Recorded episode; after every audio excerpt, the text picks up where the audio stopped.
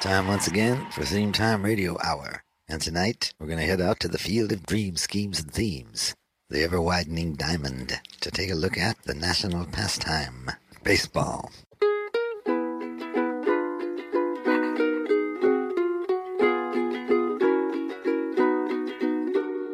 Nellie Kelly loved baseball games, knew the players, knew all their names. You could see her every day shouting hurrah when they play. Her boyfriend by the name of Joe said to Coney Island, dear, let's go. Then Nellie started to fret and pout, and to him I heard her shout, Take me out to the ball game, take me out with the crowd, buy me some peanuts and cracker jacks. I don't care if I never get back. Let me root, root, root for the home team. If they don't win, it's a shame. For it's one, two, three strikes, you're out at the old ball game. Det ni hörde var den färska Nobelpristagaren i litteratur Bob Dylan från hans radioprogram Theme Time Radio Hour. Och det ni hörde var början på episod 4 från den första säsongen som kort och gott faktiskt heter Baseball. Och eh, avsnittet finns sedan 2006 bevarat i arkivet på Baseball Hall of Fame i Cooperstown. Du lyssnar på det 35 och årets sista avsnitt av veckans MLB, en podcast om Major League Baseball på svenska. Men mellan alla namn, svåra begrepp och siffror är det också en podcast om så mycket mer. En nobelpristagare i litteratur, som inte är författare men väl baseballfantast och bevarad på Hall of Fame. Ja, välkomna till vår ibland skruvade värld. Mitt namn är Niklas Hellerstedt och någonstans i Mölndal har vi mannen som kastar sin fastball i change-up-hastighet. Killen som går all in på rött, ni vet. Olof, a win-win situation Svensson. Hur är läget? Jo, men det är bra Niklas. Tjena, tjena. Hur är det själv då? Jo, jo, men det är fint. Det är ju eh, natten före julafton. Det får man ju säga faktiskt. Eh, Postseason har pågått ett tag nu, men det är nu vi går inför, in på sluttampen här. Eh, själv är man lite krasslig, men jag ska nog överleva. Eh, men du har ju faktiskt varit i radio och eh, tjabbat. Ja, i etern. I proffsetern, ja.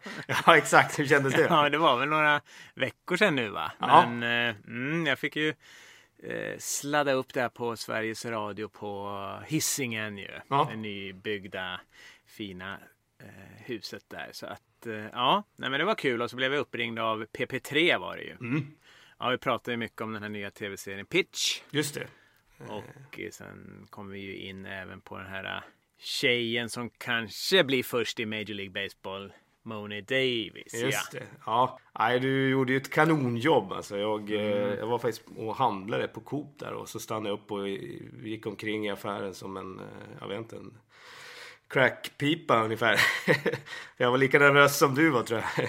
Ja, nej, men som tur var så gjorde man väl inte bort sig fullständigt. Och vi, hade, vi har ju faktiskt släppt det som ett litet eget bonusavsnitt. Så att om ni inte har lyssnat på det så kan ni göra Mm, det. det var grymt. Där pratar vi också lite om Jackie Robinson. Jajamän. Killen som bröt rasbarriären 1947. Precis. Mm, nej, men det var grymt och kul att bli lite så här uppmärksammad. Så att, ja.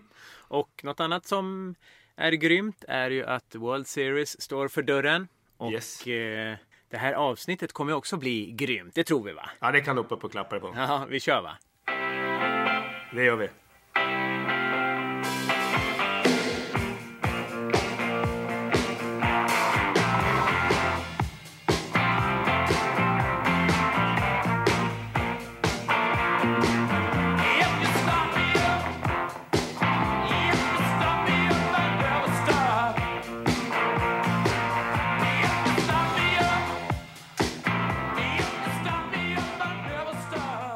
Ja, men vi kör ju det här avsnittet lite på uppstuds ju. Det är ju natten innan eh, World Series drar igång ju. Precis, Ja, visst är det natten så. mellan måndagen och tisdagen. Och det känns ju lite som natten innan julafton. Ja, och det är ju två kanonlag vi har som möts. Cleveland Indians mot Chicago Cubs. Det blev ju så eh, till slut. Eh, Mm. Det satt ju lite längre inne för Chicago än det gjorde för, för Cleveland. Ja. Men ja, vad, tror du? Ska vi backa bandet lite och börja med en recap av slutspelet så här långt? Ja, men det kan vi göra.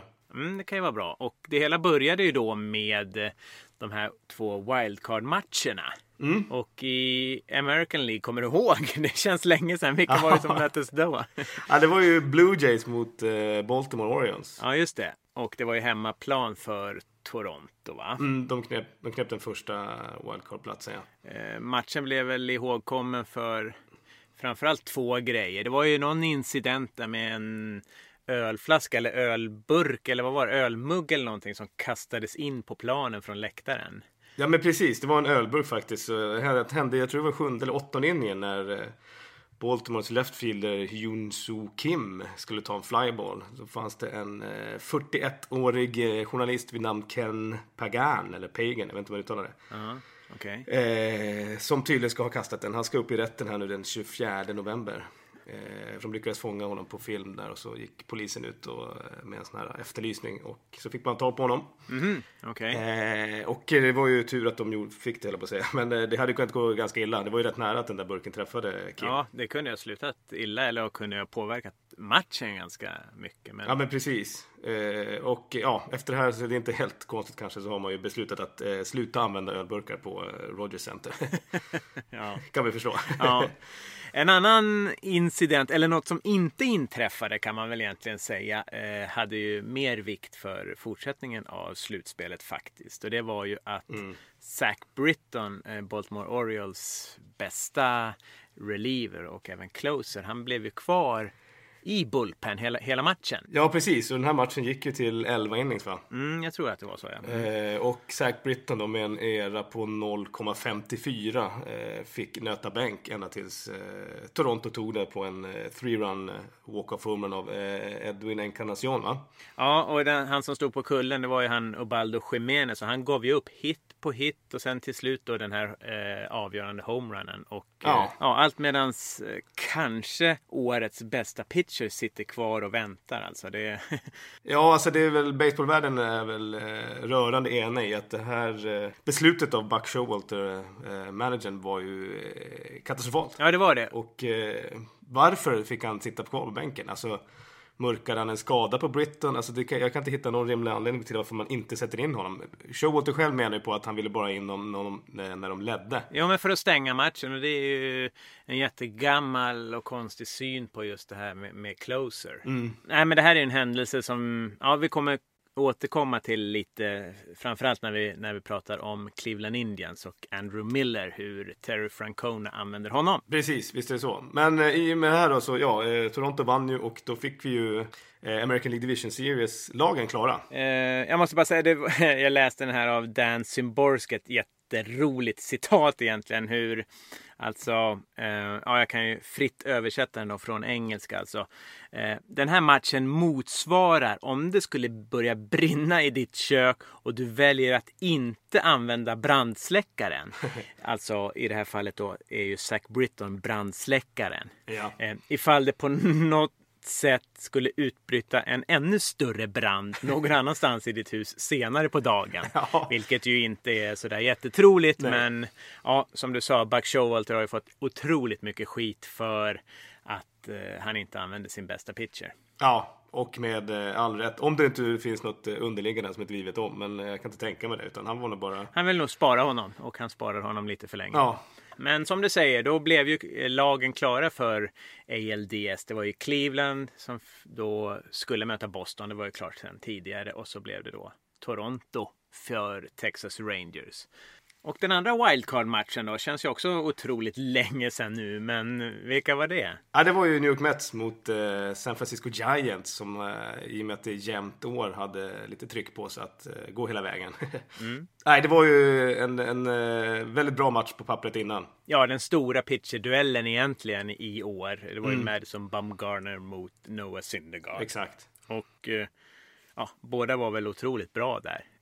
Måste man väl säga. Ja, precis. Eh, Baumgartner var lite mer eh, fantastisk än eh, Thor eh, och gjorde för andra gången i rad en, en eh, complete game shutout i, i eh, National Leagues wildcard-match. Ja, det är otroligt. Han upprepar den bedriften som han gjorde 2014 ju. Mm.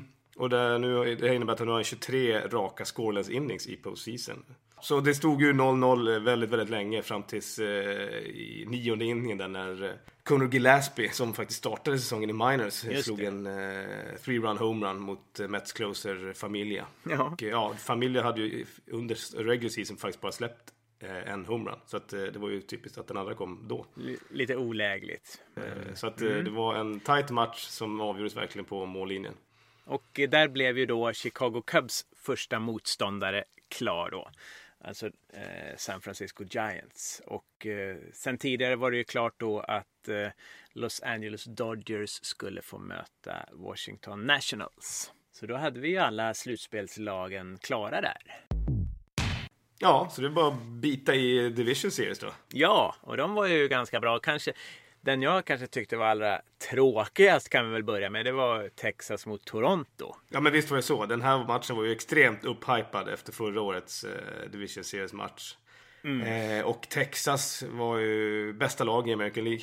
Ja, stämmer. Men eh, hade inte en susning mot Toronto. Nej, de hade ju inte det. Och, och här kom ju den här diskussionen direkt upp om det är bra eller dåligt att, eh, så att säga, clincha divisionen tidigt och kunna gå lite på sparlåga. Alltså eh, ge den här eh, vilan då på två, tre veckor eller vad man nu kan få som man kan gå på halvfart. Ger den vilan alltså dålig rust, alltså att man blir rostig eller är det en bra rest eh, som man då kan ja, eh, ha nytta av då. Ja precis. Frågar du Texas så är det väl en dålig rust får man säga. Men, Ja, det blev det. men jag tycker generellt även i, andra sporter, liksom, Mm. eh, NHL när, när Stanley Cup drar igång så tycker jag ofta liksom, de lagen som har haft mest press på sig inför liksom, det slutliga, slutspelet, att det är de som levererar och att, att man, jag vet inte, man kanske går någon går ner i mode så att säga. Eh, Just när man är klar så pass tidigt. Jag drog ju den tesen i ett tidigare avsnitt här att jag trodde att något av wildcard-lagen skulle gå,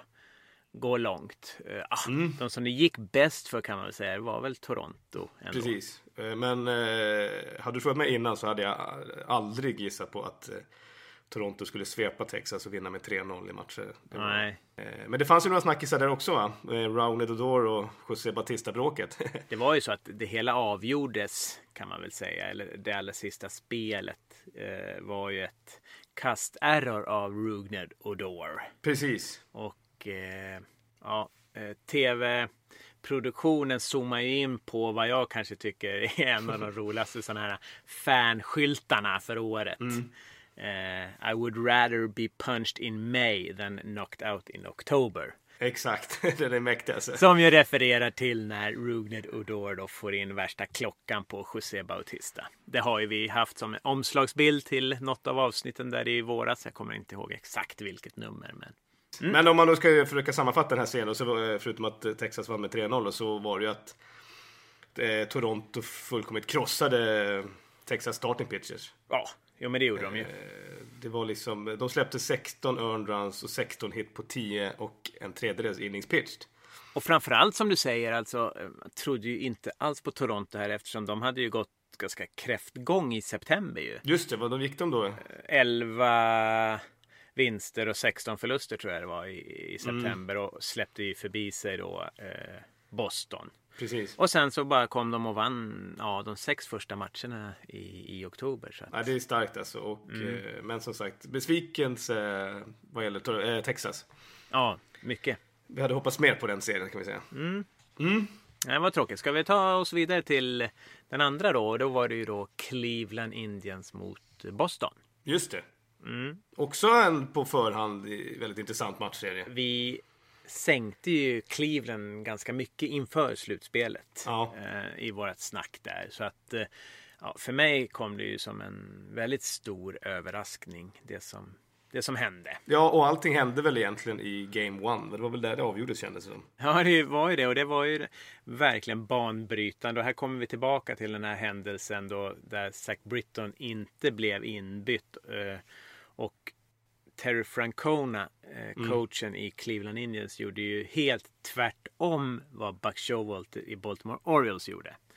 Eh, Han använde inte bara sin bästa reliever i en så kallad non-save situation utan han vände sig till eh, eh, Andrew Miller i en pressad situation redan i den femte inningen. Ja. För att matcha sin bästa pitcher eh, från Bulpen då mot eh, motståndarlagets Heart of the Order. Eller eh, deras bästa slagmän. Alltså 4, 5, 6. Eller om det var 3, 4, 5. Ja. Och eh, det här var ju faktiskt något som Francona flaggade för redan när, när man eh, värvade Miller. eh, Att, att de hade Ja. så bra relievers så att man skulle liksom börja försöka luckra upp det här closer-begreppet och istället gå till just som du säger till sin bästa pitcher i, i high leverage situations. Alltså när matchen står och väger och mycket väl kan avgöras. En no-brainer egentligen. Ja, men, som, exakt. men som inte sådär eh, många har använt sig av. Nej men det, precis, och då gick ju han, Francona, en all in för att vinna game one. Ja. Eh, Det var verkligen den matchen han ville vinna. Eh, vilket innebar att då blev han ju lite kort på alternativ inför andra matchen. Men då hade han ju sitt ace Corey Kluber på kullen som eh, gick in och pitchade sju scoreless innings. Och sen så bara farten så vann de game 2 och game 3 och Boston var Ja, ute. en 3-0 seger här som, som du säger kändes vara över redan efter, efter första matchen. Och här får, ska vi kanske då nämna David Price som startade game 2 va? Mm, han har ju inte världens bästa statistik under slutspelet. Nej, vad är det? 0-8 är han nu ja. Ja, han har startat åtta matcher och förlorat åtta va? Ja, precis. Och eh, jag läste att eh, ja, han som avgjorde Game 2 då, Lonnie Chisenhall i, i Indians, eh, han slog ju en three-run homerun i andra inningen som sänkte Price. Eh, det var hans första homerun mot en lefty på den här säsongen. Mm, nej, det är inte kul för en sån stjärnpitcher ändå så, som David Price att det går så otroligt dåligt. Ja, faktiskt. Och som Boston säkert eh, förlitade sig på, att han skulle leverera en win. Ja, men men. Mm, där Cleveland gick vidare ganska enkelt och då har vi ju då eh, ALCS-lagen var ju klara där, semifinallagen då. Cleveland eh, mot Toronto. Mm. Ja, men vad hände borta i National League då? Där hade vi också två Division Series. Ja, precis. Om vi ska börja, ska börja med Washington mot Dodgers då. Eh, den här serien gick ju till fem matcher faktiskt. Ja, och det var väl egentligen, ja, det man minns från den är ju egentligen bara Game 5 ju. Eh, som gick på Nationals Park va? Ja, precis. Och eh, ja, frågan är om inte Washingtons coach där Dusty Baker tog ut Max Scherzer lite för tidigt i sjunde inningen när Han släppte en run va, och sen så rök han, visst var det så? Ja, och eh, då byttes han ju ut och sen gjorde ju Dodgers alla sina fyra runs i den inningen. Sen stängde ju Dodgers igen och de gjorde ju det med deras fantastiska closer eller reliever Kenley Jansen. Ja, verkligen alltså. Och han kom in och kastade bara 50 kast och var totalt eh, ohittbar. Eh, och sen var det ju fantastiskt också att eh, Clayton Kershaw Eh, Guds vänstra arm va? Jajamän, han kom ju in som reliever. Ja, Och han fixade då matchens två sista outs. Ja, och fick en save. Ja, det var häftigt. Och det här var ju, det var hans första Major League save. Men han har ju faktiskt en, en save som professionell baseballspelare eh, som kom den 19 augusti 2006 i Gulf Coast League. Och vet vem då som catchade? Ja, men det vet jag. Det var faktiskt han som pitchade innan och som draftades som catcher för Dodgers. Exakt. Kenley Jansen. Ja, det är häftigt. Det är Mm. lite mäktigt ja. Eh, vad kan vi mer säga om, de, om den här serien? Vi- Dodgers vann alla sina matcher med en run va? Ja, det var otroligt. Och Nationals gjorde ju flera runs än Dodgers. Nu kommer jag inte riktigt ihåg eh, hur många, men du kanske har koll på Eh, det. jag tror det var 24, eller 5 runs fler än Dodgers. De gjorde 24 runs och Dodgers 19. Ja, du ser. Det var, ja, det var lite hjärtskärande för Nationals och för eh, bland annat Bryce Harper. Ja men verkligen. Och ytterligare en besvikelse för uh, National som aldrig har vunnit en serie i postseason. Sen var det mycket schackspel här. Så, som sagt, eh, man fick ju slänga in Clayton Kershaw på short rest i game 4 och sen så fick han gå in och vara closer i game 5. Ja. alltså som vi sa, eh, managern Dave Roberts, eh, han visste vad han gjorde. Mm, det gjorde han och eh, det var ju faktiskt så att Nationals tog en match borta på Dodger Stadium. Den, den, Så att då trodde jag faktiskt att eh, Nationals skulle ta den, men icke sa Nicke. Exakt! Så blev det faktiskt. Och eh, ja, det var alltså Dodger som gick vidare. Mm.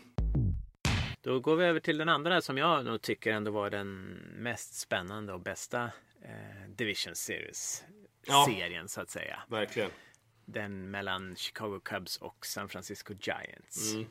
Och ja, eh, första två matcherna var ju spännande de också. Men Game 3 var ju faktiskt en av de ja, mest nervkittlande matcherna som, ja, som jag har sett faktiskt. Mm. Det var ju Aroldis Chapman som kom in eh, och släppte tre runs i åttonde. Ja, Alltså. det var inte riktigt därför man värvade honom. Nej, man gjorde ju inte det. Alltså han såg väldigt, väldigt skakig ut och eh, ja, där trodde man ju att Giants hade vunnit den. Men eh, direkt så replikerar ju Chris Bryant, tredje basmannen i Cubs. Ja. Matchen bara fortsatte och fortsatte. Den höll ju på till nio på morgonen här och till botten av den trettonde inningen då när eh, San Francisco ändå till slut lyckas vinna. If the Giants win, that game's at 5 Eastern, 2 Pacific. A drive to right. And the Giants will win tonight. Here's Crawford with the winning San Francisco survives to see another day. Nu började ju tankarna gå att jaha, ska San Francisco eh, göra som de alltid gör, alltså klara sig undan många av de här elimination games. För att de har ju en historik av att varannat år så klarar de sig ur eh, otroliga situationer 6-7 gånger per slutspel. Att de Mm. När de riskerar att åka ut. Ja, att det är sista match. Om de förlorar den matchen så åker de ut. Och eh, redan här i det här läget så hade de ju då vunnit wildcard-matchen som är ju en sån här eh, elimination game. Och sen så hade de ju, vann de nu i game 3 när, när de också faceade en sån, sån match så att säga.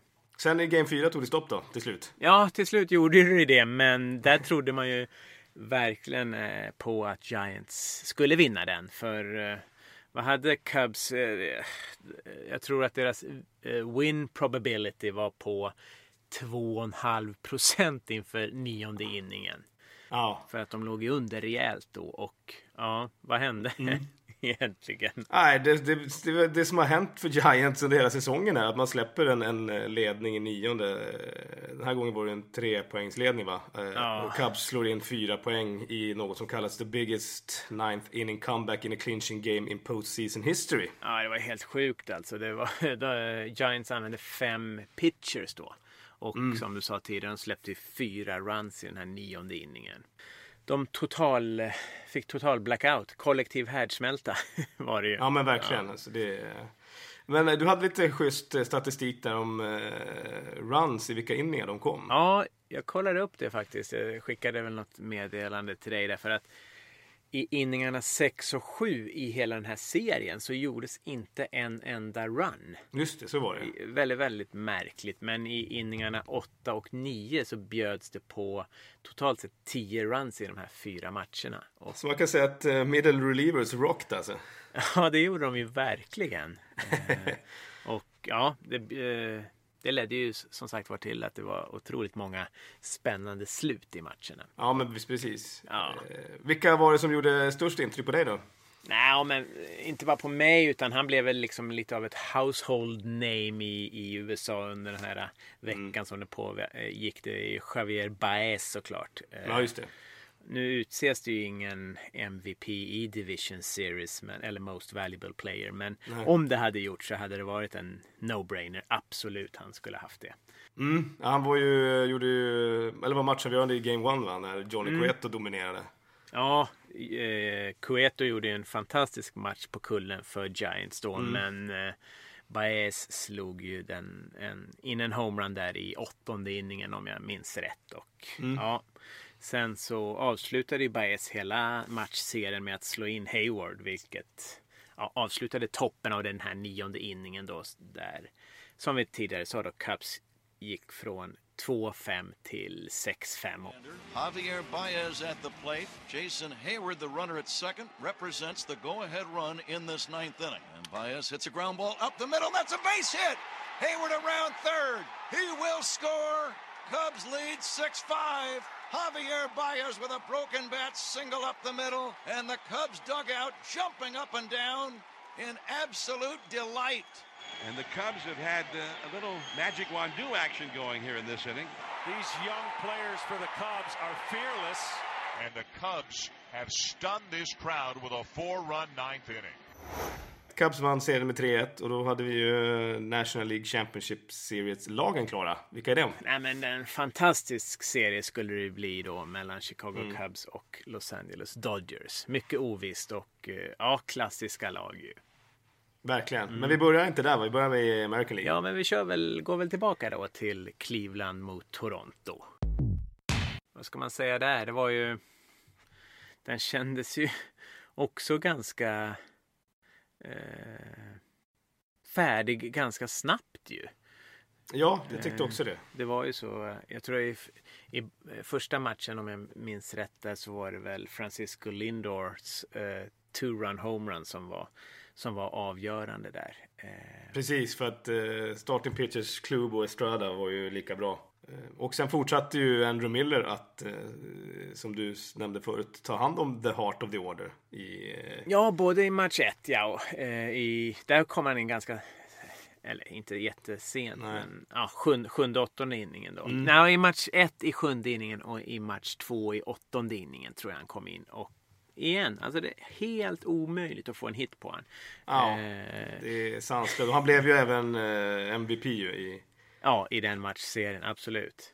I båda de här matcherna som han kommer in så, så möter han sex slagmän och strikar ut fem Ja, av dem. det är helt sanslöst. Sen ska vi ju säga att eh, Torontos offensiv var ju iskall i den här serien nästan. Jo, det var det ju. Tre runs på tre matcher är ju det lägsta antalet runs eh, som de har gjort i en serie på eh, tre matcher på hela säsongen. Ja, det var ju helt fel serie och, Ja, men så är det och ju. hamna där alltså. Ja, Eh, och det som man kan verkligen eh, notera här är att de kastade otroligt mycket curveballs och breaking balls och, eh, och även sliders. Eh, de kastade inte en enda fastball tror jag kändes det som på hela, hela serien alltså. Eh, Ja, men och i Game 4 då lyckas Toronto träffa en curveball va? Ja, till slut så träffade Josh Donaldson en, en curveball och ja, den gick ju ut. Och, till en homerun och eh, Toronto vann ju match fyra. Men det, Ja, det var det ganska väntat kändes det som, eller? jo att de skulle få en match, det är ju svårt att vinna fyra raka matcher. Så är det ju för vilket Mm. lag som helst. Men ja, lite av konstgjord eh, andning ändå ju. Jo, visst var det så, definitivt. Eh, men eh, ja, den här serien hade ju två ganska mäktiga ja, historier kan man säga. Jag vet inte om vi ska börja med Trevor Bauer. Den, ja, den, en av de mäktigaste historierna. Hade vi inte ett sånt här ett three strikes you're out segment Jo. för eh, några månader sedan när det var sjuka Skador. skador? Ja. Den, den här hade vi ju vunnit. Ja, lätt alltså. Många, Den vinner många gånger. de när- närmsta tio åren framåt. Alltså. Vad hände egentligen? Ja, men det var ju så här att eh, Trevor Bauer kom ju in till eh, sin coach eh, Terry Francona mm. eh, och med eh, nedslagen blick antar jag och sa att han hade meckat lite hemma med sin hemmagjorda drönare. Ja, hemmagjord också. Alltså, man är under ett slutspel. Man, han måste ju ha tre eh, hjärnceller. Ja, och han hade ju fått ett gigantiskt jack då i, i lillfingret då på sin kasthand. Ja. Och ja, han ville ju, läste jag, bränna ihop det här eh, såret med ett strykjärn. Ja, det, det är också helt sjukt. Då är man lite desperat tror jag. Skojar alltså.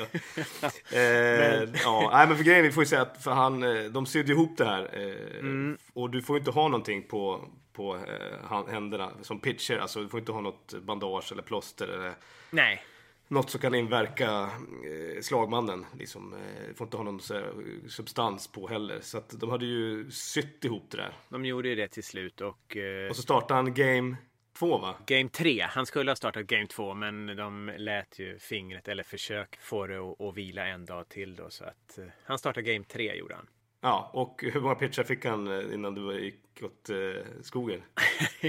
ja, jag vet inte. Jag tror, alltså, det började väl gå åt skogen redan liksom i, efter en, två pitcher. Ja. Och, eh, han kände ju det direkt ju, men han försökte ju gömma handen lite. Men till slut så det var rann blod från lillfingret. Ja, det är, och- ja, det såg helt sjukt ut alltså. Och, och det är ju helt sanslöst att det är ju Torontos coach Ja. eh, som får gå ut och säga till eftersom det blöder så mycket. Det är inte, det är inte Francona eller liksom någon annan. Utan, Men att han inte märkte det Ja. som pitcher så värmer man ju upp ganska rejält. Liksom. Ja, det måste ha varit att han eh, kände sig så jävla dum eh, så att han, han försökte mörka det bara och så här, hoppas att det går. Men han har ju fått eh, behöva blodtransfusion i fjärde inningen om han fortsatt sådär. Så. Kommer det vara läkt nu? Ja. Alltså, det är en jäkla påfrestning på händerna när man kastar. Ja, precis. Nej, men jag tyckte jag läste att han var väl alltså aktuell. Men jag vet liksom inte, han lär väl inte starta de första matcherna känns det som. Alltså, de kan inte riskera samma sak igen. Att de får bli av med sin starting pitcher i första inningen. Nej, det är ju jäkligt påfrestande för hela bullpen liksom om de Ja. måste ta åtta innings. Eh, Så nu känns det att de måste vara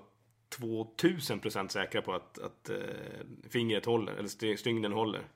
Sen var det ju en annan väldigt eh, intressant sak som hände, eller rolig sak. Och den, Mm. det är ju hela den här historien om Clevelands starting rotation. För de har ju ingen starting rotation. Nej, det är så sjukt. Ja, och har ta, tagit sig till World Series. För i Game 5, det som visade sig blev sista matchen då, så hade vi en riktig Buster-historia va? Mm, det får vi säga. Det var ju Clevelands starting pitcher Ryan Merritt då. Han hade alltså pitchat 11 innings hittills, eller dittills i Major League.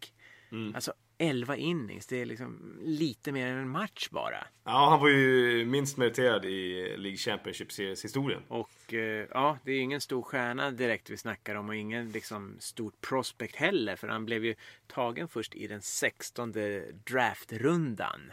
Ja. Och han rankas ju i Indiens eh, farmarsystem som den 29 bästa prospect då. Ja. Och ja, vad var det? Du läste väl upp för mig vad den här den scouting reporten sa om honom. Just det, han sa ju så här. His lack of premium stuff and perennially low strikeout rate eh, limits his upside. Eh, Ja, det låter ju Men ja, sådär. det, det hjälpte Indians till World Series. det.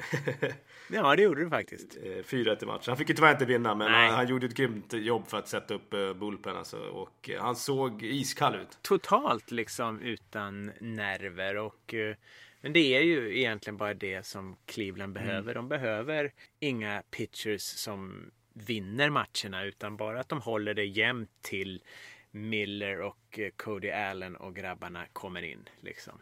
Så är det faktiskt. Nej, det, så det ska bli spännande att, eh, följa i World Series, Cleveland Indians. Eh, men de behöver ett motstånd också. Ja, de behöver det och det blir lite roligare matcher då och det hittade vi ju i lördags till slut. Mm. Men det var ju då Chicago Cubs mot Los Angeles Dodgers. Ja. Och eh, ja, vad ska man säga om den serien? Eh, ja, men eh, lite skakade ju Dodgers Cubs ändå. De fick ju bekänna färg faktiskt. Ja, ganska rejält skulle jag nog säga. Eh, Mm. Chicago vann ju första matchen hyfsat lä- lätt ändå, även om Aroldis Chapman ändå visade sig vara mänsklig och skakig. Eh, Och eh, mm. Men i match två så utjämnade ju Dodgers och då hade de ju Clayton Kershaw på kullen. Ja, exakt. Och det här var ju på Wrigley Field då, de eh, två första. Ja, precis. Så, efter det stod det ju 1-1 i matchen. Men det var ju faktiskt... Eh, det är bara två eh, pitchers som har slagit Chicago Cubs med 1-0 i, i slutspelet. Den ena Alltså? är Clayton Kershaw och den andra är Babe Ruth. Jaha, ja, okej. Så att typ han- på medeltiden alltså. ja, precis. Så att det var ju... Eh, ja, han hamnade i gott sällskap där, den gode Clayton. Ja, men eh, oavsett eh, hur nu serien gick så var det ändå starkt av Dodgers att ta sig så här långt. För de har ju haft otroliga problem med sin starting rotation. Ja, jag läste 18 olika starting pitchers har de haft Ja, det är helt galet faktiskt. under säsongen. Och det är ju så att eh, de har inte haft någon, någon starting rotation. De har inte bara haft problem med sin starting rotation. De har inte haft någonting som har kunnat kallats en starting rotation. Alltså, en enda gång under säsongen har de kunnat snurra runt på samma pitchers i liksom två efterföljande vändor. Ja, då har man ju ingen liksom rotation. Nej, precis. Så det är helt sjukt att de har klarat av det här. Ja, det är galet alltså. Men ja, då stod det 1-1 då och sen eh, vände vi till eh, Los Angeles då. Mm, och eh, jag nämnde det tidigare. I den här matchserien så var ju Chicago Cubs slagmän till en början iskalla. De var ju Ja. precis lika kalla som Tim Tebow är nu i Arizona Fall League. Ja, den stackaren. Vad är han? Vad har han nu för stat- stats? Jag vet, senast jag kollade var han 0 för 13 med 6 strikeouts. Ja. Det är Jag inte vet jättebra. inte. Nej, eh, och mm, de blev ju... Eh, de torskade, de gjorde inte en enda run i Game 3 heller. Nej. Och det var ju också ett väldigt illa valt tillfälle för att eh, Cubs har inte blivit nollade i två matcher i rad eh, sen jag tror det var i maj 2014. Ja, tjena. Och- och blir det i National League Championship Series. Det måste ju ha varit lite nervöst för Joe Maddon då att gå upp i, i match fyra. Ja, för då hade de inte gjort eh, poäng på 21 innings, va, tror jag. Nej, precis. Efter någon, några innings i match fyra så låg väl den i den där scoreless inning streaken på som exakt. 21. Ja, Och då vet jag att du var lite, var lite nervös. ja, ja, men jag håller I och med att möjligheten finns att sätta slänga in eh, Kershaw. Ja, det finns det ju. Absolut. Eller det, eh. ja, det fanns det ju. Och eh, det är ju svårt också när det, när det börjar gå troll Mm. i, i det här. eh, I sånt här. När det bara är så här få matcher kvar liksom. Eh, Ja, men precis. Visst är det så. Men det släppte ju i eh, Game 4.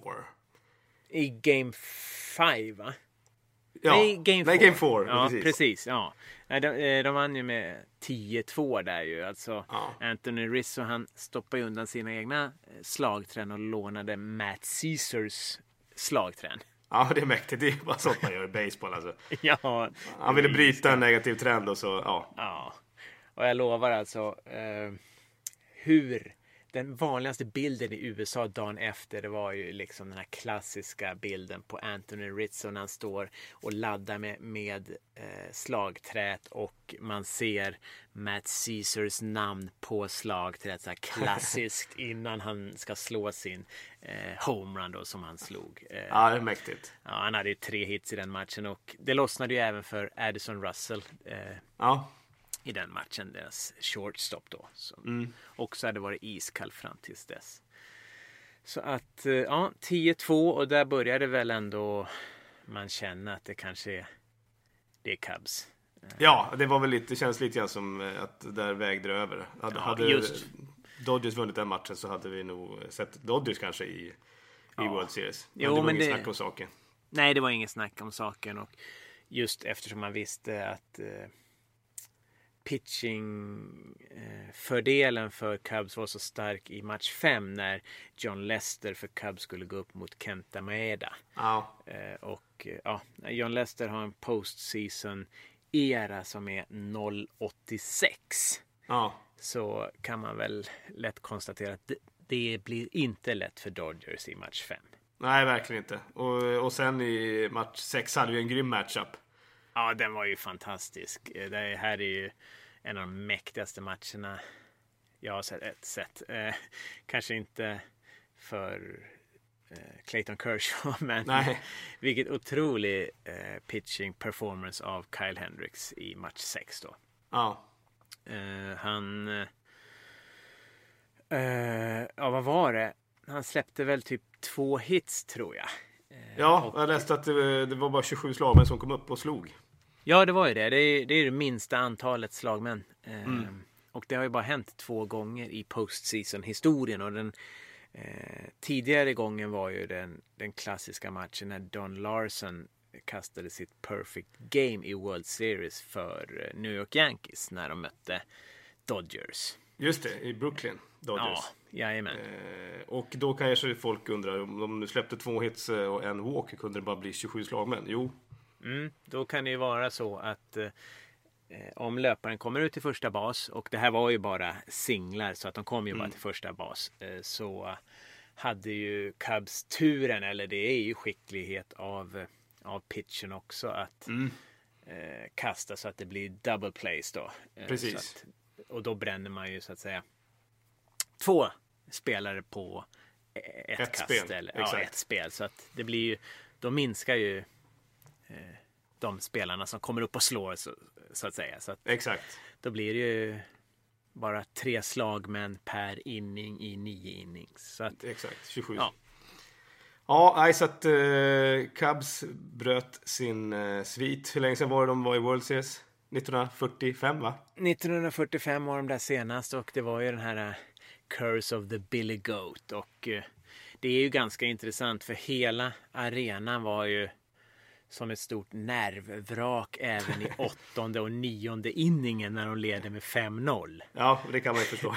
Ja, de bara väntade ju på att något skulle gå åt skogen eh, och eh, ja, Dodgers skulle börja plocka poäng och det var väl aldrig riktigt nära. Han, det var ju när Kyle Hendricks släppte en hit i åttonde inningen och Maddon gick direkt till eller eh, ja, i åttonde inningen när det var en bränd. Eh, satte in Aroldis Chapman istället då. Eh, och eh, Sen var det klart. det, ah, det, var, det var ju klart. Han, han slä, eh, kastade väl en walk tror jag. Men, ah, nej, men det, det var ju klart att det, eh, det var klart långt innan dess. Så att säga. Det här var ju Cubs match. Så, Ja, men det känns som att det här laget, eh, den här organisationen just nu och eh, med Joe Madden står över alla, ja, eh, vad heter det, curses och eh, jinxar och allt. Utan Ja. eh, de fixar det här.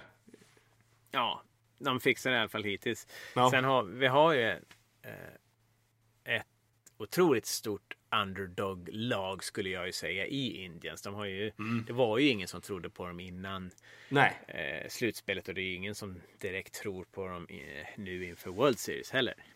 Nej, jag vet inte om, eh, om Cubs, vilket lag Cubs hade föredragit att få möta. Om det är eh, Cleveland eller om det är, jag vet inte vad de har för statistik mot övriga lag. Nej, nej, jag vet inte heller om de hur, hur, hur det har sett ut och om de överhuvudtaget har mött de andra aktuella Nej. lagen i år.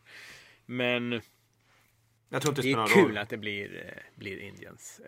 Ja, verkligen. kan jag tycka. Men Indians har ju otrolig medvind. Det, det är också i hela staden känns det ju väldigt positivt. De vann ju eh, NBA-basketen här tidigare i, eller i, i somras. Eh, Mm. Och eh, ja, i Believeland, inte i Cleveland utan i Believeland. Yes. Ja, vad heter han? LeBron James var, var väl i gasen på Twitter här när de clinchade. ja, mäktigt. jo men det är väl så. Eh, Ja, men nu då har är det ju så. Har vi börjat tjuva lite grann på World Series? Ja men det är ju så. Och, eh, Ska vi ta tag i det? tisdag så kör vi igång. Chicago Cubs mot Cleveland Indians där Cleveland Indians har hemmaplansfördel eftersom de vann eh, All-Star-matchen tidigare i somras. American League, ja, precis. American League gjorde det och Och, och det är första gången i franchise history faktiskt. ja, som de börjar. Ja, precis. Eh, och jag läste att, eh, var det inte Charlie Sheen som hade erbjudit sig att kasta den här första ceremoniella pitchen i egenskap av, eh, vad heter han nu? Rick Vaughn. Rick, Rick Vaughn, ja. Från The Wild Thing från eh, ja, Major League heter filmen på eh, engelska. Och eh, en eh, drogpåverkad översättare döpte den till Värsta gänget. Jajamän, värsta gäng. Den har väl alla sett. Ja, tror det jag. jag. Det tycker jag. Ja. Det hör till. Ja. eh, och som du har varit inne på, eller vi har varit inne på det, så vi, eh, vi har ju inte pratat så mycket Cleveland under hela säsongen. Vi har ju liksom eh, tonat ner dem. Ja, och det är ju iskallt gjort av oss, eller hur? Jo, vi tänkte att vi klipper det på ett avsnitt bara så här. Ja, när det liksom gäller som mest. Exakt. Nej, ja men så är det. Och jag läste faktiskt alldeles nyss att eh, de som ska kasta ut de här first pitch i match 1 och 2, det blir de här klassiska gamla eh, Cleveland-spelarna Kenny Lofton i match 1 och Carlos Baerga i match 2. Lite tråkiga val om vi hade kunnat haft Rick Warren där Ja. inglidandes till Wild Det Thing-musiken. är tråkigt. där. Charlie Sheen med 14 liter kokain i kroppen. Han kanske hade gjort ett sämre kast än eh, 50 Cent. Jag vet inte. Ja, Det kommer ingen att kunna göra tror jag. Nej. Men ja, han kanske till och med skulle klippa sig. Du vet ju, han klippte sig så här taggigt. Hade Ja, han under kepsen och värsta örhänget. Så att ja, Ja. Ett- Eh, vi vet att ingen kan se värre ut än Josh Donaldson. nej så är det ju. Men jag tror ju att Charlie Sheen hade gått all in för en sån här uppgift. Ja, det tror jag också. Ja, absolut. Herregud. Ja, det var synd. Men så blir det inte. Eller det kan bli så i match 6 eller 7. Ja, så kan det ju bli. Alltså. Eh, ja, men om vi ska gå in då på World Series och, och respektive lags historia. Vad har du på Cubs? Ja, alla vet väl att de kallas ju the lovable losers. Jajamän. De har ju, eh, som vi sa tidigare, senast de var i World Series var 1945. Mm. Vad har vi där? Pågick andra världskriget då fortfarande eller? Ja, det gjorde det va? Ja. Jag tror det. ja. Och senast de vann World Series, det var ju 1908. Ja, det är länge sedan. För att få lite perspektiv så kan man väl säga att det Ottomanska riket existerades 1988. Va? Ja, det hör ju. Det är helt galet alltså. Så det är ett tag sedan såklart. Ja. Eh, Men i år så har de ju varit the best team in baseball med 103 segrar Mm. Och bara 58 förluster. Ja. Och vän av ordning när man slår ihop de två, vad får du antalet matcher till då? ja, det blir faktiskt 161 matcher, vilket är en match kort. Ja, precis. Det var ju så att var det näst sista matchen eller någonting Jag sånt tror det va? regnade bort och eh, Ja, den matchen, Ja, för det stod oavgjort va? Och så eh, regnade den bort och så beslöt man att man, eh, det var av akademisk karaktär. Jag kommer inte ihåg vilka de mötte faktiskt. Eh, eh, jag tror det. att det var Pirates om jag inte minns helt fel. Ja. Men det är oviktigt. Ja. Precis. Ja, men en, så här långt i slutspelet så har de sju segrar och eh, tre förluster. Mm. Det är väl ungefär liknande då vad de gick i regular season. Just det, precis. Så att mm, de har inte varit super, super bra. Men frågan är om de eh, har spelat lite under sin förmåga och kommer Mm. liksom öka på här eh, i World Series. Det får mycket vi möjligt. se. Mm. Ja. För Cleveland Indians som det kanske känns så har de ändå överpresterat lite va? Jo, men det har de. va? De, eh, de gick ju, hade 94 vinster och 68 förluster under regular season här, men har ju gått Ja. 7-1 i playoffs. Eh, och Det är då har de alltså, otroligt. ja, de har mött eh, Americans Leagues, American Leagues bästa lag och American Leagues andra bästa lag. Mm, det är ju jättebra såklart. Ja, och eh, som sagt, de svepte Boston och... Eh, nej, nu sa jag fel här. Det är inte alls. De mötte ju Toronto, eh, förlåt. Eh, men de vann med 4-1 mot Toronto i alla fall. Ja, just det.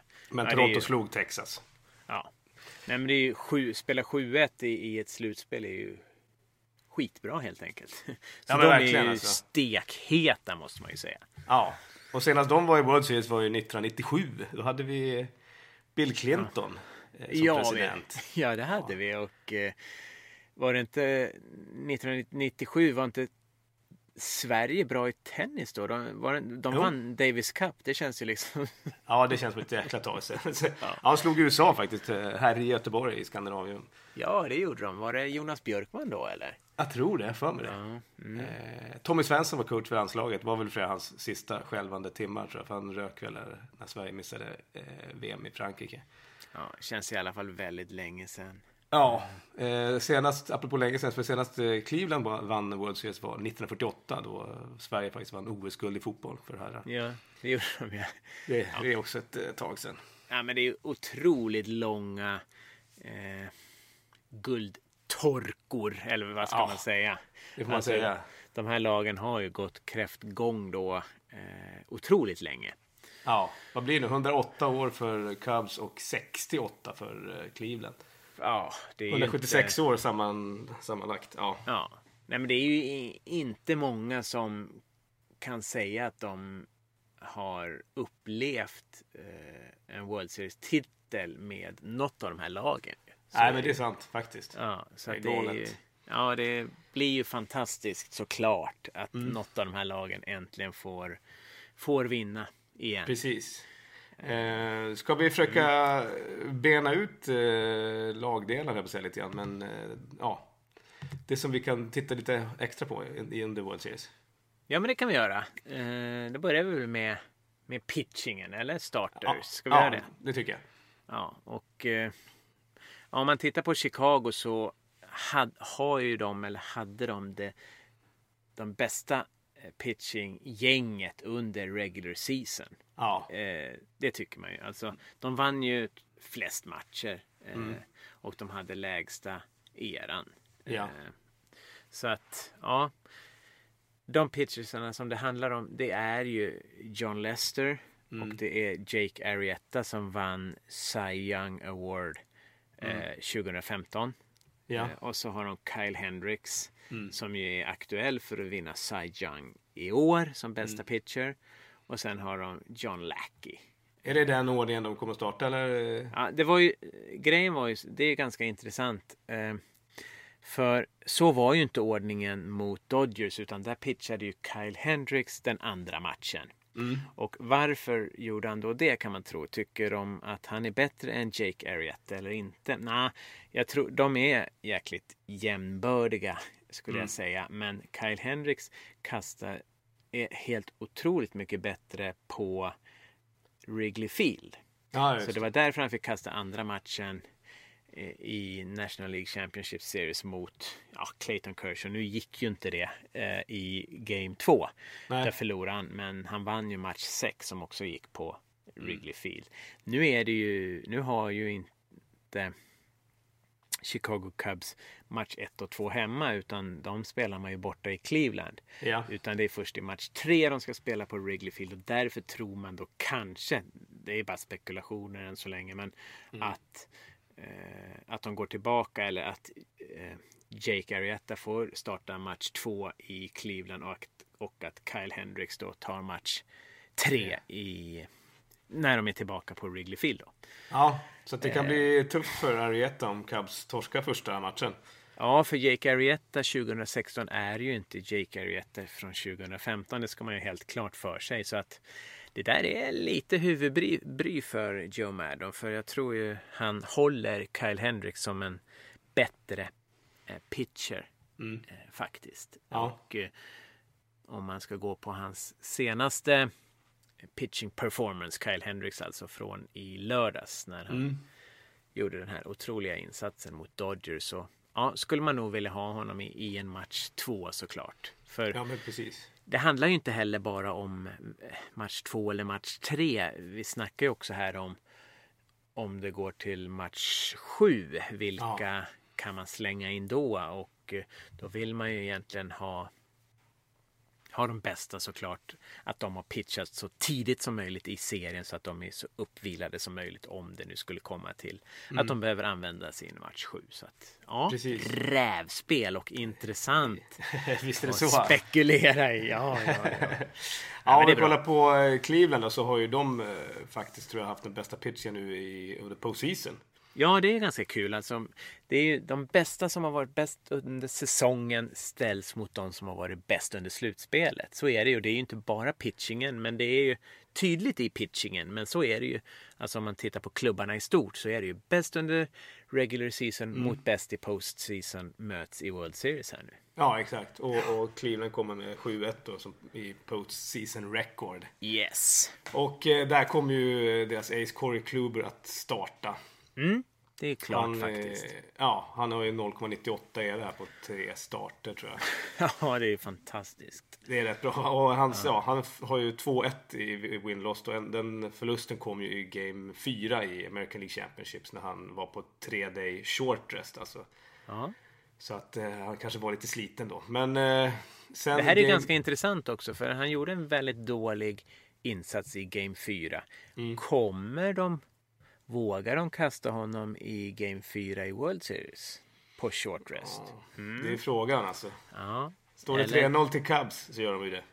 Ja, det gör de ju. Absolut. Men... Eh, stå... Det ska de. Ja. Nej, jag vet faktiskt inte om de vågar det. Inte när han var så eh, svag faktiskt. Nej, men då ska du veta vad är alternativet eftersom de i princip inte har någon starting rotation. Nej, det det är är då sant. att gå till Ryan Merritt, han killen med 11 innings i Major League. Ja, faktiskt. Det, det skulle vara rätt kaxigt alltså. Eh, Men jag läste att eh, Danny Salazar är, på väg tillbaka. Så kanske, kanske att han kan eh, hoppa in i ett Game 4. Det verkar ju för som att det är troligt att han kommer att vara i bullpen. Alltså, han har ju varit skadad sedan september. En underarmsskada. Ja, i början av september och ja, han hade väl kastat ett sånt här simulated game här nu för några dagar sedan va? Eh, så sen får vi ju se då om, om drönarmannen har läkt ihop eller inte. Alltså. Men det blir väl... Eh, game 2 och 3 blir väl någon av Trevor Bauer eller Josh Tomlin som, som startar. Då. Och Ja, sen fint. så eh, Game 4 är det ju egentligen vidöppet. Ja, det är, det är som du sa tidigare, kanske beroende lite på hur det står i matchserien. Så väljer man då eh, om det är Ryan Merritt eller om man ska gå på Corey Kluber med on short rest. Ja, eh, för att... Jo, det är klart att pitcha i, eh, i American League Championship Series är en sak. Men pitcha i World Series är nog en helt annan sak för eh, Ryan Merritt. Ja, och precis eh, den matchen han kastade i American League Championship Series, det var ju ingen match där det stod och vägde, alltså, Nej.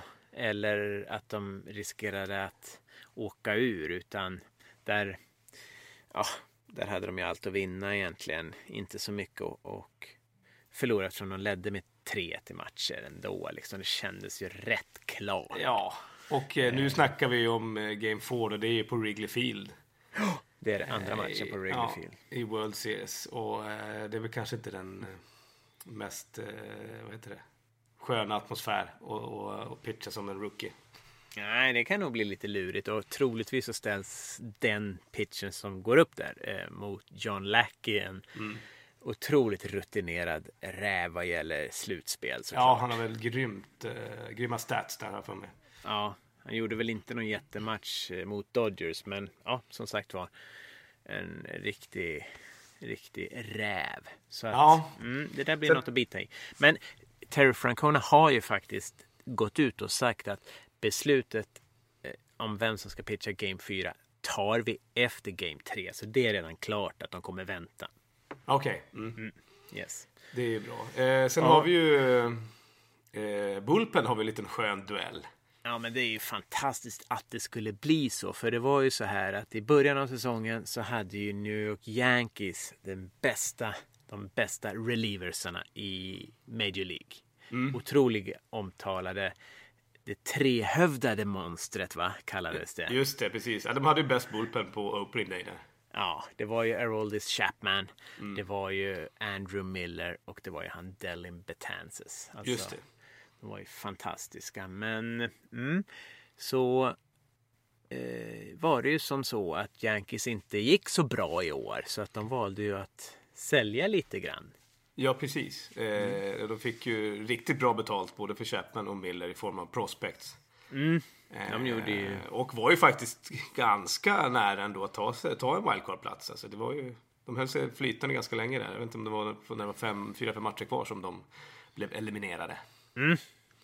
Men de står ju bra rustade till, till nästa år. Och ja, Aroldis Chapman hamnade ju då i Cubs och Andrew Miller i Cleveland Indians. Precis. Och de båda är nu framme i World Series. Och tänk dig grejen om det kommer till en avgörande match 7 till exempel. Där de här ställs mot varandra i inning för inning i Ja. säg sjunde, åttonde. Va? Ja, det vore ju ett drömscenario faktiskt. Alltså. Ja, är det ju jättekul. Men ja, i övrigt förutom eh, Chapman och Miller så har ju bägge Bullpens bra killar. Att förlita sig på. Jo, det har de. Cubs har ju de här Pedro Strop och eh, han vänsterhänta Mike Montgomery. Ja. Eh, ja. ja, det känns ju lite som att, tycker jag, att Cleveland är, är lite bättre här då. Man räknar in deras closer då, Cody Allen. Eh, som jag tycker ju är nästan lika bra som Andrew Miller. Men ja, Ja. jag vet det- inte. Det, Men kan vi förvänta oss snart att eh, Miller liksom går på pumpen? Att han, det har ju bara gått uppåt hela tiden alltså. ja, jo men Hur är det med hans arm? Nej, jag tror ju kanske att det... Tror du inte att det kan vara lite sliten eller? Det borde vara så. Han har ju fått ganska många pitchar i de, i de matcher han har hoppat in. Och eh, det troliga är väl att han kommer att eh, komma in i varje match i den här serien, eller? Jo, om det är... eh, Om det kommer vara jämna tillställningar som vi ju också hoppas att, att det kommer vara så kommer han ju pitcha i varenda match. Precis. Eh, så att... Mm, Då är frågan om när eh, han, eh, ja, när han fallerar. Om han fallerar. Han kanske blir MVP i World Series och, eh, och Cleveland vinner. Eller Ja, så går åt skogen. Vi får ju se, se faktiskt. Eh, ja, så på vi- så vis kan det nog vara bättre att Cleveland, om de ska torska så är det bättre att de torskar stort och tidigt så att Ja, inte ens Miller och Cody Allen kommer in än att eh, de eh, åker dit på några hjärtskärande ett, ett, eh, enruns förluster i, i sluttampen. Nej exakt. Att de förlorar matchen och sina, sina relievers. Ja men precis. Eh, ja, vad har vi, hur ser vi ut om vi går på det offensiva nu då? Ja, det är ju spännande som 17 alltså. Eh, Chicago har ju en fantastisk lineup. Ja, den är styggare än styggast alltså.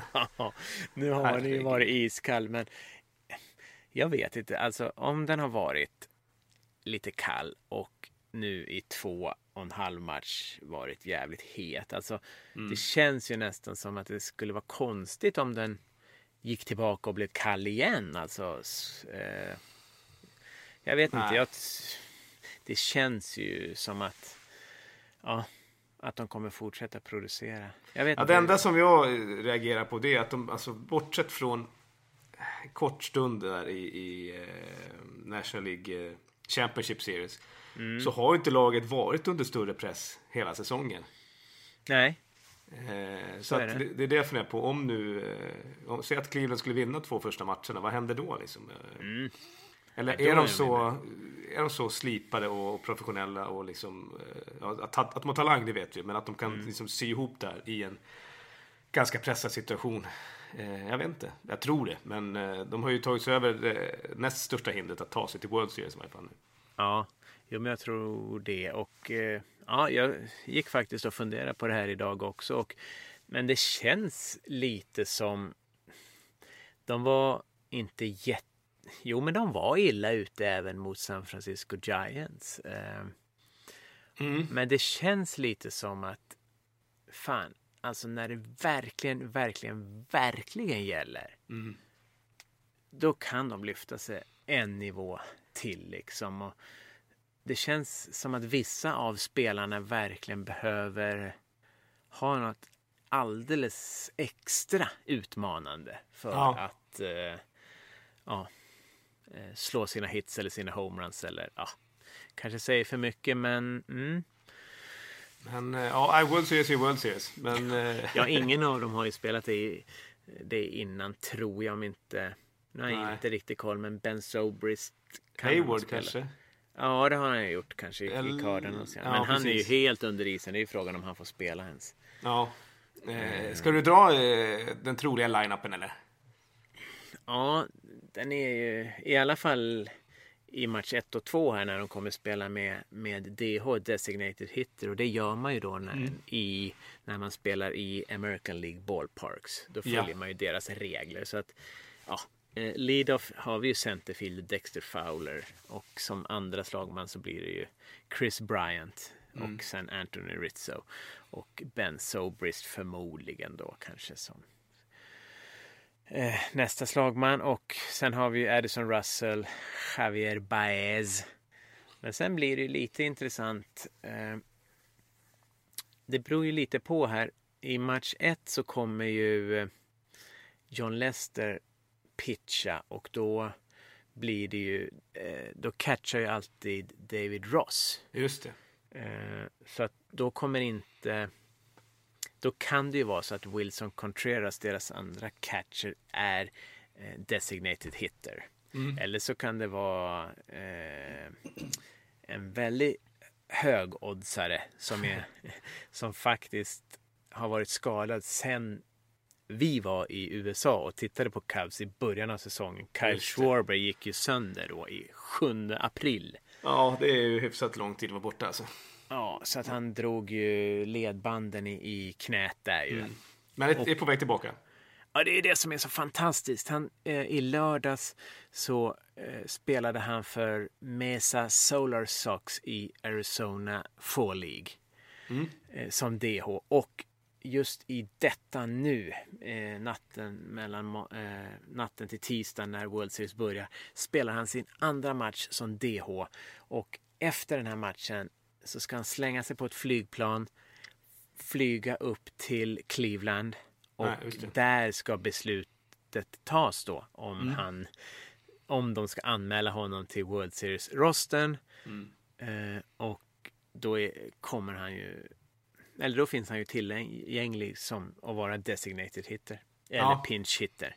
Just och det är det. ju fantastiskt. Ja, men det är det. Och då skulle i så fall Cubs eh, ta bort en pitcher från Ja, eh, precis. rostern. För att eh, det är ju så när eh, när man spelar i American League-regler så blir det inte lika många pitcherbyten.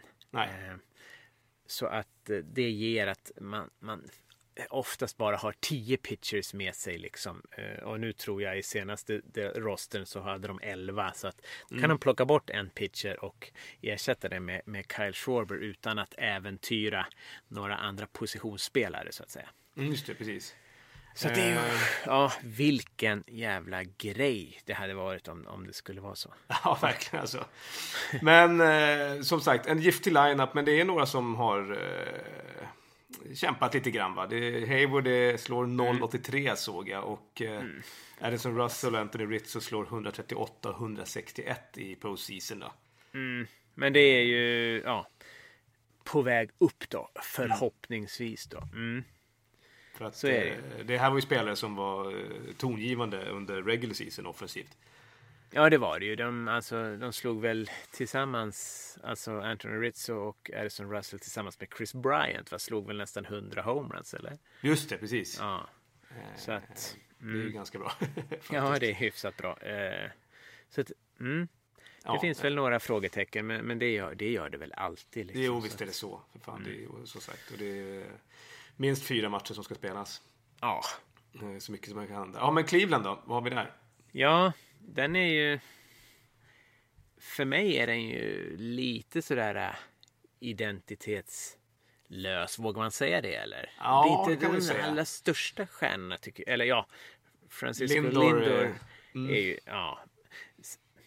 Sen tycker jag en kille som Mike Napoli är ju fantastisk. Men för mig var Mannen lite... bikupan. Ja, precis. Men lite på väg ner ju, eller? ja, precis. Ja, men det är ju jättekul att han får eh, uppleva ännu en eh, World Series. Ja, men precis. Eh, I övrigt så har vi då... Jag kan ju dra den då. Först Ja. Rajai Davis, centerfielden som lead. Och sen så har vi Jason Kipnis och så just Lindor.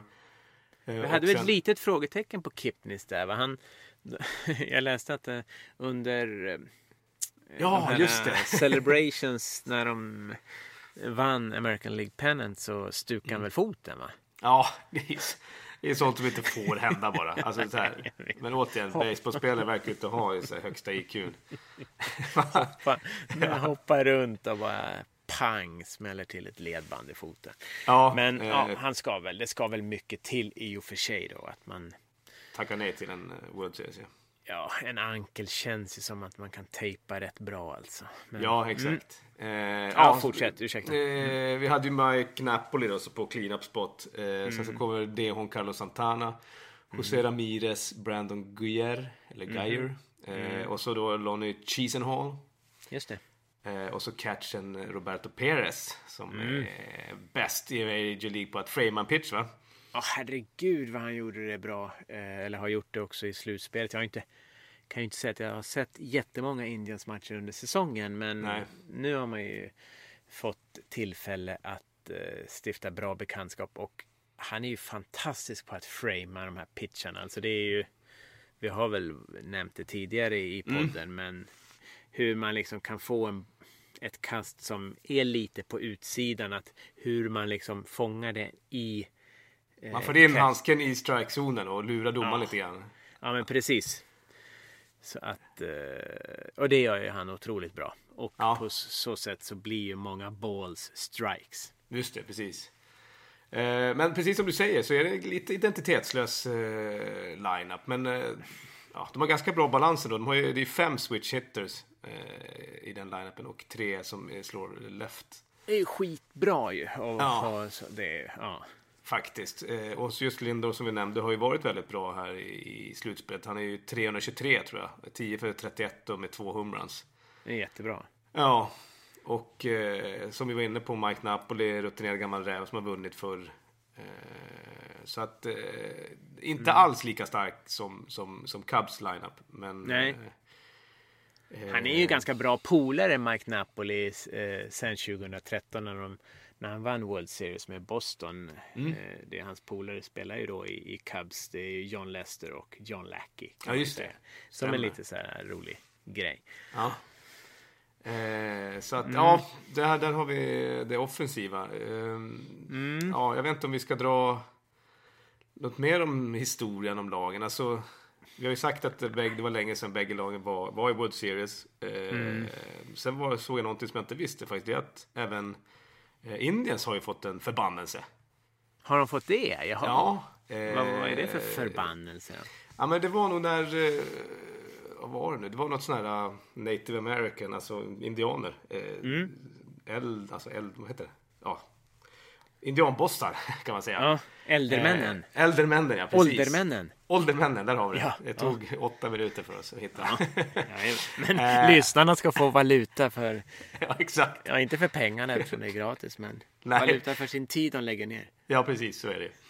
Eh, ja, men innan eh, Braves och Minnesota Twins möttes i World Series 1991 så gick då de här åldermännen eh, och till både Atlanta och till, eh, till Cleveland då. Och tyckte, eh, För de gillade inte deras eh, franchise-namn, alltså Braves eh, och eh, Indians.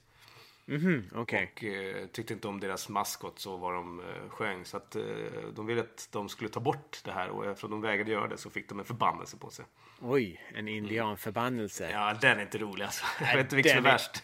Ja. Get eller indianförbannelse? en indianförbannelse vill man väl inte ha på sig va? Nej, jag tror inte det faktiskt. Herre Det känns Jesus.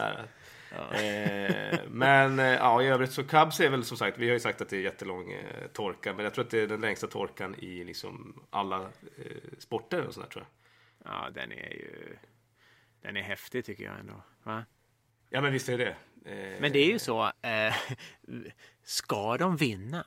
Alltså, vill de ens vinna? Nej, men de, de sätter ju hela sitt varumärke, si, sin Jaha. identitet. Ja, det på gör de faktiskt. Om de vinner i år så blir de ju bara som vilket lag som helst. Ja, faktiskt. Det är Va? sant. De kanske lägger sig här i World Series.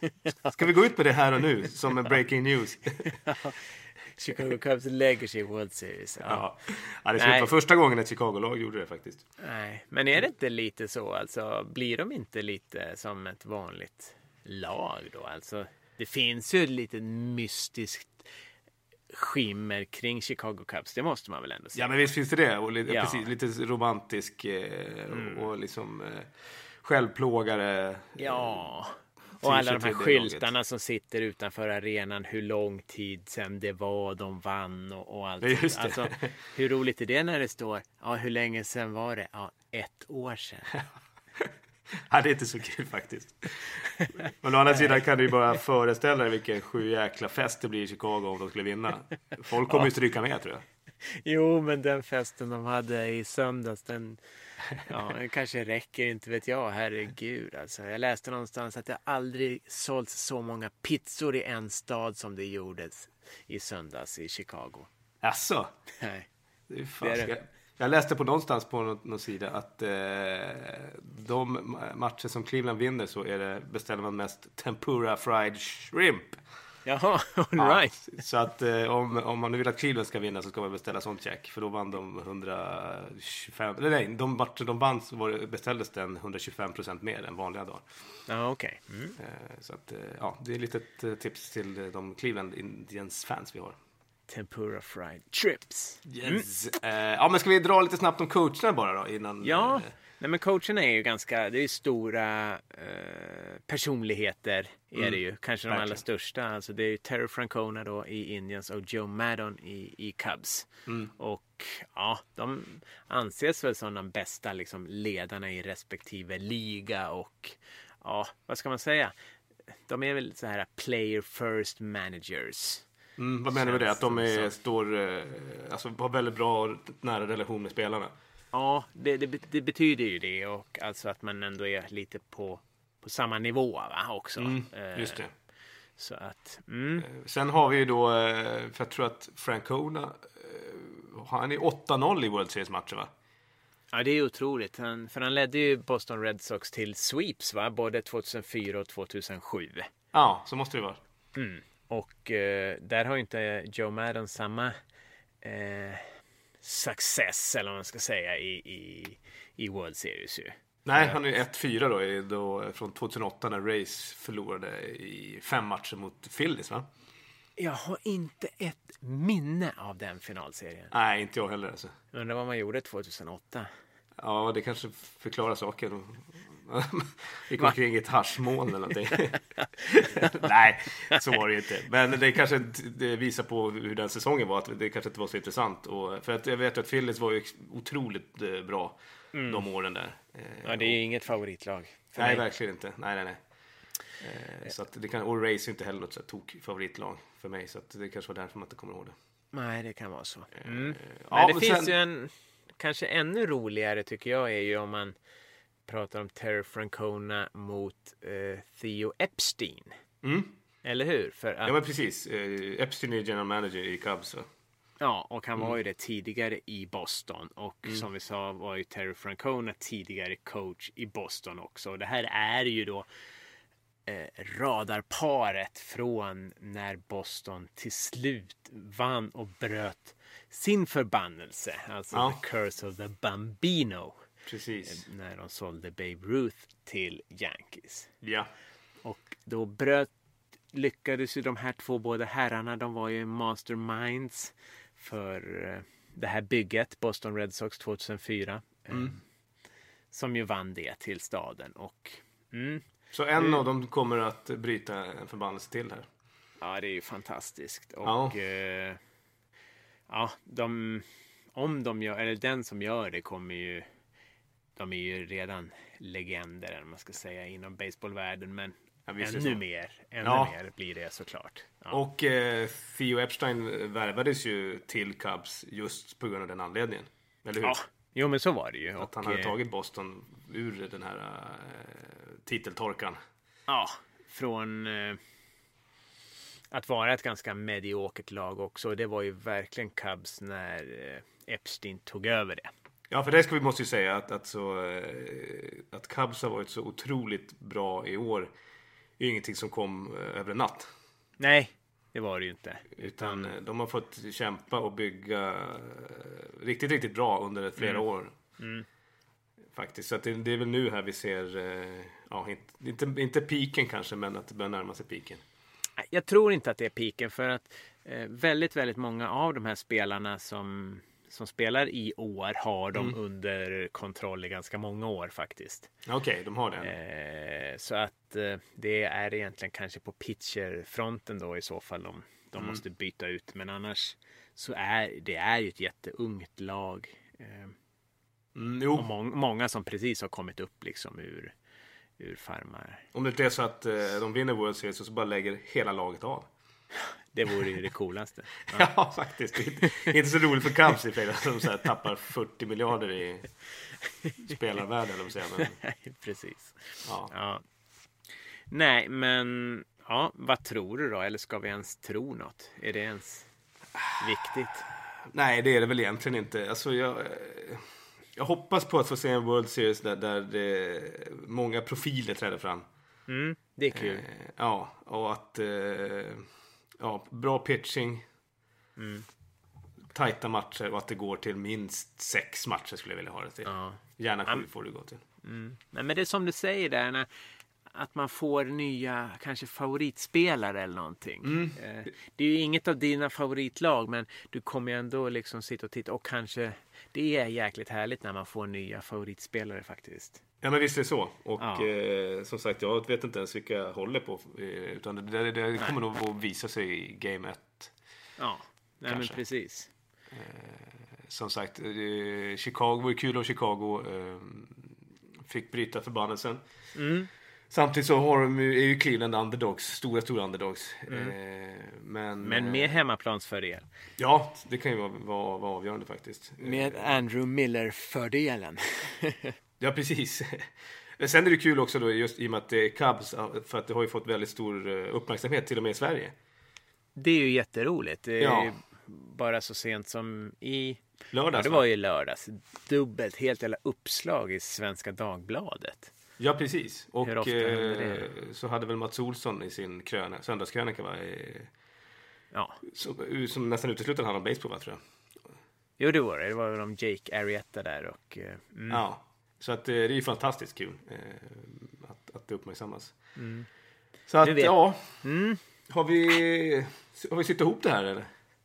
Ja, men jag tror väl det. Har vi inte Ja, det? jo, och vi skiter i att, tippa för även om vi tippar olika så kommer båda av oss ha fel. Så att så bra är vi. Det är ganska bra faktiskt. Ja.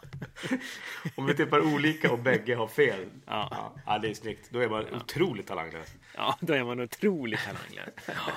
Ja, Nej, men vad säger du? Innan vi stänger ner kan vi väl ändå säga att eh, följ oss gärna och prata Mm. med oss i sociala medier. ja, och det är ju där ni får reda på om vi skulle slänga in ett specialavsnitt till här eller om vi bara vill säga något annat oviktigt. Ja, Eh. eller om det är vi som får den värsta abstinensen. Ja, Så- precis. Eh, för att vi har ju lite grann som händer i, under off-season. Ja, men det har vi ju. Det är ju eh, både det här Winter Meetings. Mm, som är 5 till 8 december va? Ja, de ska Mm. hållas i Washington DC i år, tror jag. Och där kommer det alltid hända mycket grejer och... Ja, men Ja. vi kan väl gå in på det redan nu. Vi skulle väl... eh, för det har vi ju inte snack, sagt någonting om, liksom alla de här free agents som ändå blir eh, available, eller... Just det. Eh, vi kan väl säga då att eh, qualifying offer, vilket man alltså, eh, det är det man erbjuder till en free agent för att han ska stanna kvar. Mm. är ju satt till 17,2 miljoner. Ja, och... Mm. Så att vad har vi för några som kan rulla runt på marknaden? Jag scrollade igenom de där listorna här för några dagar sedan och på catcherfronten vet jag inte. Det var ju han Jonathan Lucroy va, som, eh, som gick från Brewers till Texas Rangers under säsongen. Han vill ju inte gå till Cleveland Indians, han tackade ju nej till det. Han gick in och Ja. la sitt veto. Han kanske inte är jättenöjd med det nu. Han, hade, han kanske ville spela golf, man vet inte. Ja, så kan det också vara. Ja. Nej, så att ja, där har vi, där, vi har väl även Nationals skadade catcher Wilson Ramos va, som blir. Just det, han eh, blev skadad precis innan slutspelet stackaren. Nej, annars vet jag inte vad vi har. Infielders. Vad har vi där? Mike Napoli som vi snackade om. Ja, Encarnacion fast, och Atli, fast det är ju riktiga åldermän apropå Ja. eh, gamla indianare höll jag på att säga. Ruben Tejada. Ja. Vad hade vi på han? eh, vad menar du? Nej, men vi har pratat om honom tidigare under säsongen. Ja, just det. Han har väl... Eh... Ja, jag vet faktiskt inte. Jag kommer inte ihåg. Nej, nej. Han, var, har inte han varit inne i en sån här domestic violence eh, eller? Nej, det var Reyes nej, det kanske. Det var Reyes. Det var väl Ruben Tejada som blev skadad, va? Var det inte så? Just det, så var det precis. Ja. Men vi har Eh. Justin Turner i Dodgers. Det har vi, precis. Mm, han är ju intressant, men jag tror kanske att Dodgers signar honom igen. Så att, mm. Som han har levererat så känns det som att eh, det är inte omöjligt. Eh, sen har vi ju, så, om vi går in på outfielders och det har, vi ju José Bautista.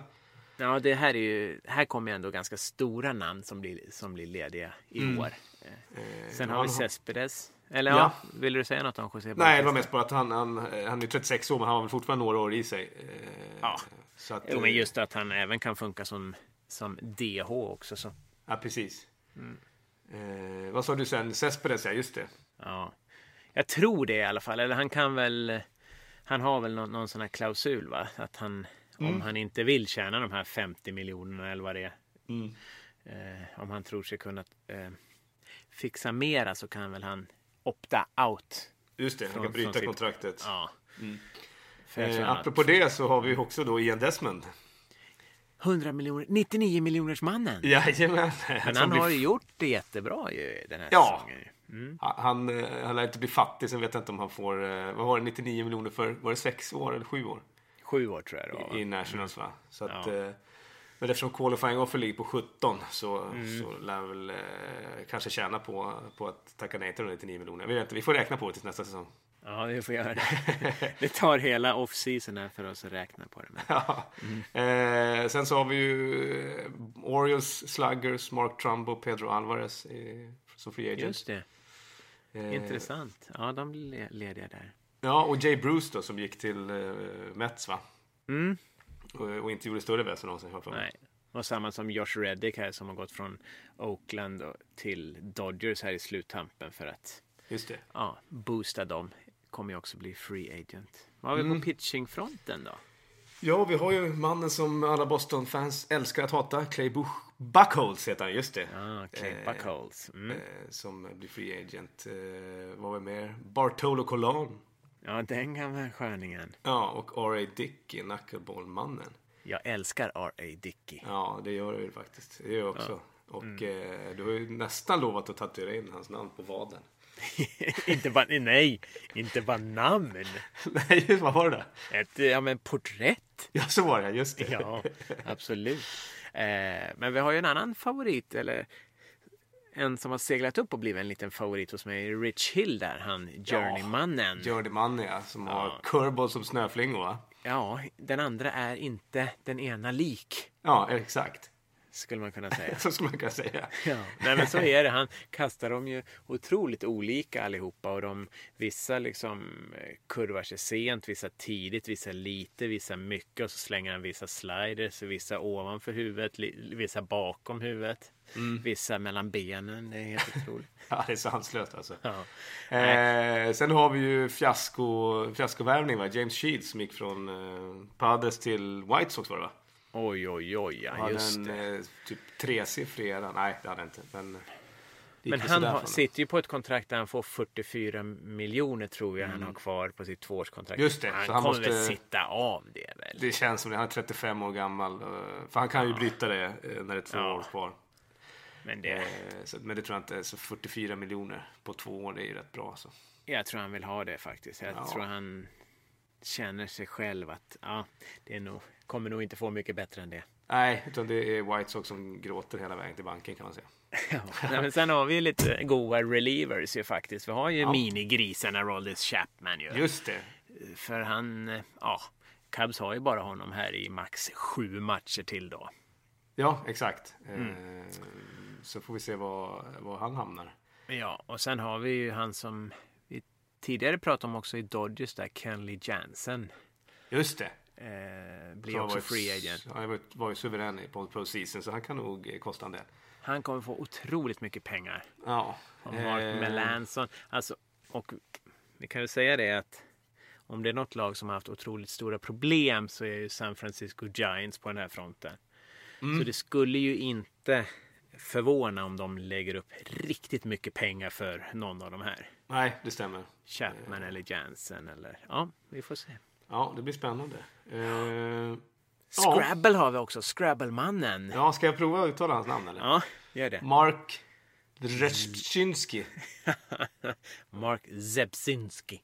Zepsinski. Ja, Jag tror chanser bara. Är det någon som är typ polack så kan man ju höra av sig och säga om vi har rätt eller fel. Ja, precis. Nej, men det, det kan bli en spännande off-season med många ansikten i nya uniformer ju. Ja, och sen så har vi ju faktiskt, det har vi, inte, har vi glömt att ta upp, en väldigt ganska stor händelse ändå. Att det ska fram ett nytt Collective Bargain Agreement. Ja, det blir faktiskt spännande ju. Ja, där det ska, eh, mellan då, det är mellan spelarfacket och ägarna då, som ska, Mm. eh, vad säger man, reglera allt som händer i, inom Major League Baseball. Ja, Eh, löner och eh, ja, vad det nu kan vara. Nej, det ska bli spännande ju. Och eh, sen hur länge får vi vänta innan Pitchers and Catchers Report? Ja, vad brukar, när brukar det datumet vara? Va? Jag har ingen koll. Jag tror det är slutet av februari va? Ja, typ 18, Till 26 eller sånt där. ja den veckan där. Ja. Eh, Men det är väl ungefär då också vi Sätter kommer Ja. vara tillbaka. Vi siktar väl på det va? Jag tror att det är, det är ansatsen i varje fall. Jajamän. Sportlov. Precis. Och då, Baseballlov. då blir det väl kanske en, en, eh, liten sammanfattning av off-season då. Ja. Som Men som sagt var, om vi inte får otrolig abstinens och lägger in något litet kort Nej. avsnitt eller hur, ja, om vi känner för det. Men ja, följ oss som sagt var på sociala medier och ja, Mm. på Twitter och Instagram heter vi veckans MLB. Ja, Och annars gilla och följ gärna vår sida på Facebook. Där heter vi ju Sunday Funday. det gör vi. Och Ja. eh, glöm inte att sätta ett betyg i iTunes gärna. Nej just det, det vore superbra för då kan ni ju komma lite lite högre upp i sökningarna och bli lite lite lättare att hitta för andra baseballintresserade. Eller hur? Exakt. Och eh, vad använder du för hashtag? Ja, men det är väl veckans MLB, va? Ja, bra! Just det. Och sen får ni gärna mejla oss. Frågor, funderingar, applåder, burop, hyllningar, idéer, tips, whatever. Till vilken adress då? Det är ju hello at sundayfunday.se. Ja, du håller ju koll på den inkorgen dag som natt. Dag som natt faktiskt. Hela World Series och under hela off-season, eller hur? Jajamän, Du gillar ju att sitta och knåpa på de där svaren har jag märkt. Va? det vet du. Ja, jag brukar ju få en kopia då och då. Ja, Kul för mig med. absolut. Ja, Nej, men då återstår väl bara en sak innan vi skickar iväg årets World Series va? Ja, de sitter ju faktiskt och bara väntar på att vi ska bli klara där borta i Cleveland. Ja, nej, men då är det väl lika bra att vi gör dem glada och skickar iväg det här avsnittet. Ja, jag är ju väldigt spänd på vad det blir för eh, sign-off sång. Det är väldigt spännande faktiskt och den här gången blir det lite Cleveland-inspirerad musik. Lite eftersom finalserien börjar där och lite eftersom vi redan har spelat Go Cubs Go här ju under säsongen. Mm, så att om ni hellre vill lyssna på den så ja, stäng av eh, podden nu och klicka er in på vår spellista på Spotify istället. Mm. Den heter eh, Musiken från veckans MLB. Just det. Men om ni vill vara med här eh, så får ni ju jättegärna vara det. Och den här veckan blir det Ohios officiella rocksång. Mm. Och också en, vad ska man säga, en signaturlåt för eh, Cleveland Indians. Mm. Eh, för att det är ju så att den eh, traditionellt sett spelas eh, i mitten av den åttonde inningen och eh, i takt till musiken så ropar publiken O-H-I-O O-H-I-O Ja, i takt. Grymt. Och låten är från 1965. Alltså långt efter Indiens senaste World Series-titel. Så då får ni en liten känsla för ja, hur länge sedan det var. Men ja, senast Chicago Cubs vann hade ju musiken som begrepp inte uppfunnits än. Så, att, Det är så. så är det. Då bodde man i grotta. Ja, slog med en träpinne på en trumma i bästa fall. Ja. Nej, men det är väl så. Vi önskar väl bara lycka till. Cleveland, Chicago, må bästa lag vinna. Gärna efter en sju matchers lång matchserie, va? Ja, verkligen. Ja. Jo, men med det så låter vi The McCoys med låten Hang On Sloopy ta oss in i World Series. Chipparella på er. Ciao!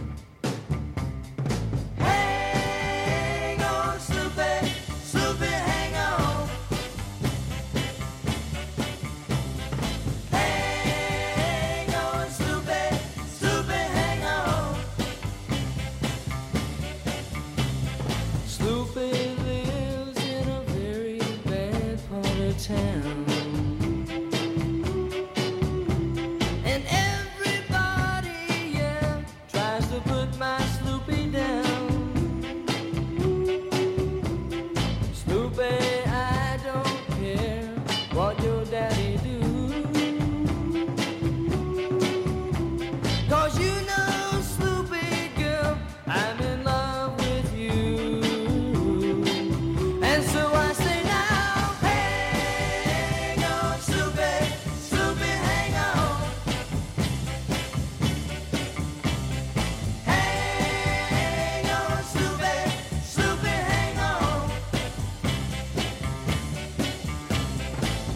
Sloopy wears a red dress, yeah, as old as the hill. But when Sloopy wears that red dress, yeah, you know it gives me the chills. Oh, oh. Sloopy, when I see you walking Så kör vi då. the. Vad händer? Ah! Är du så uppe i varv? Nej, jag vet inte fan.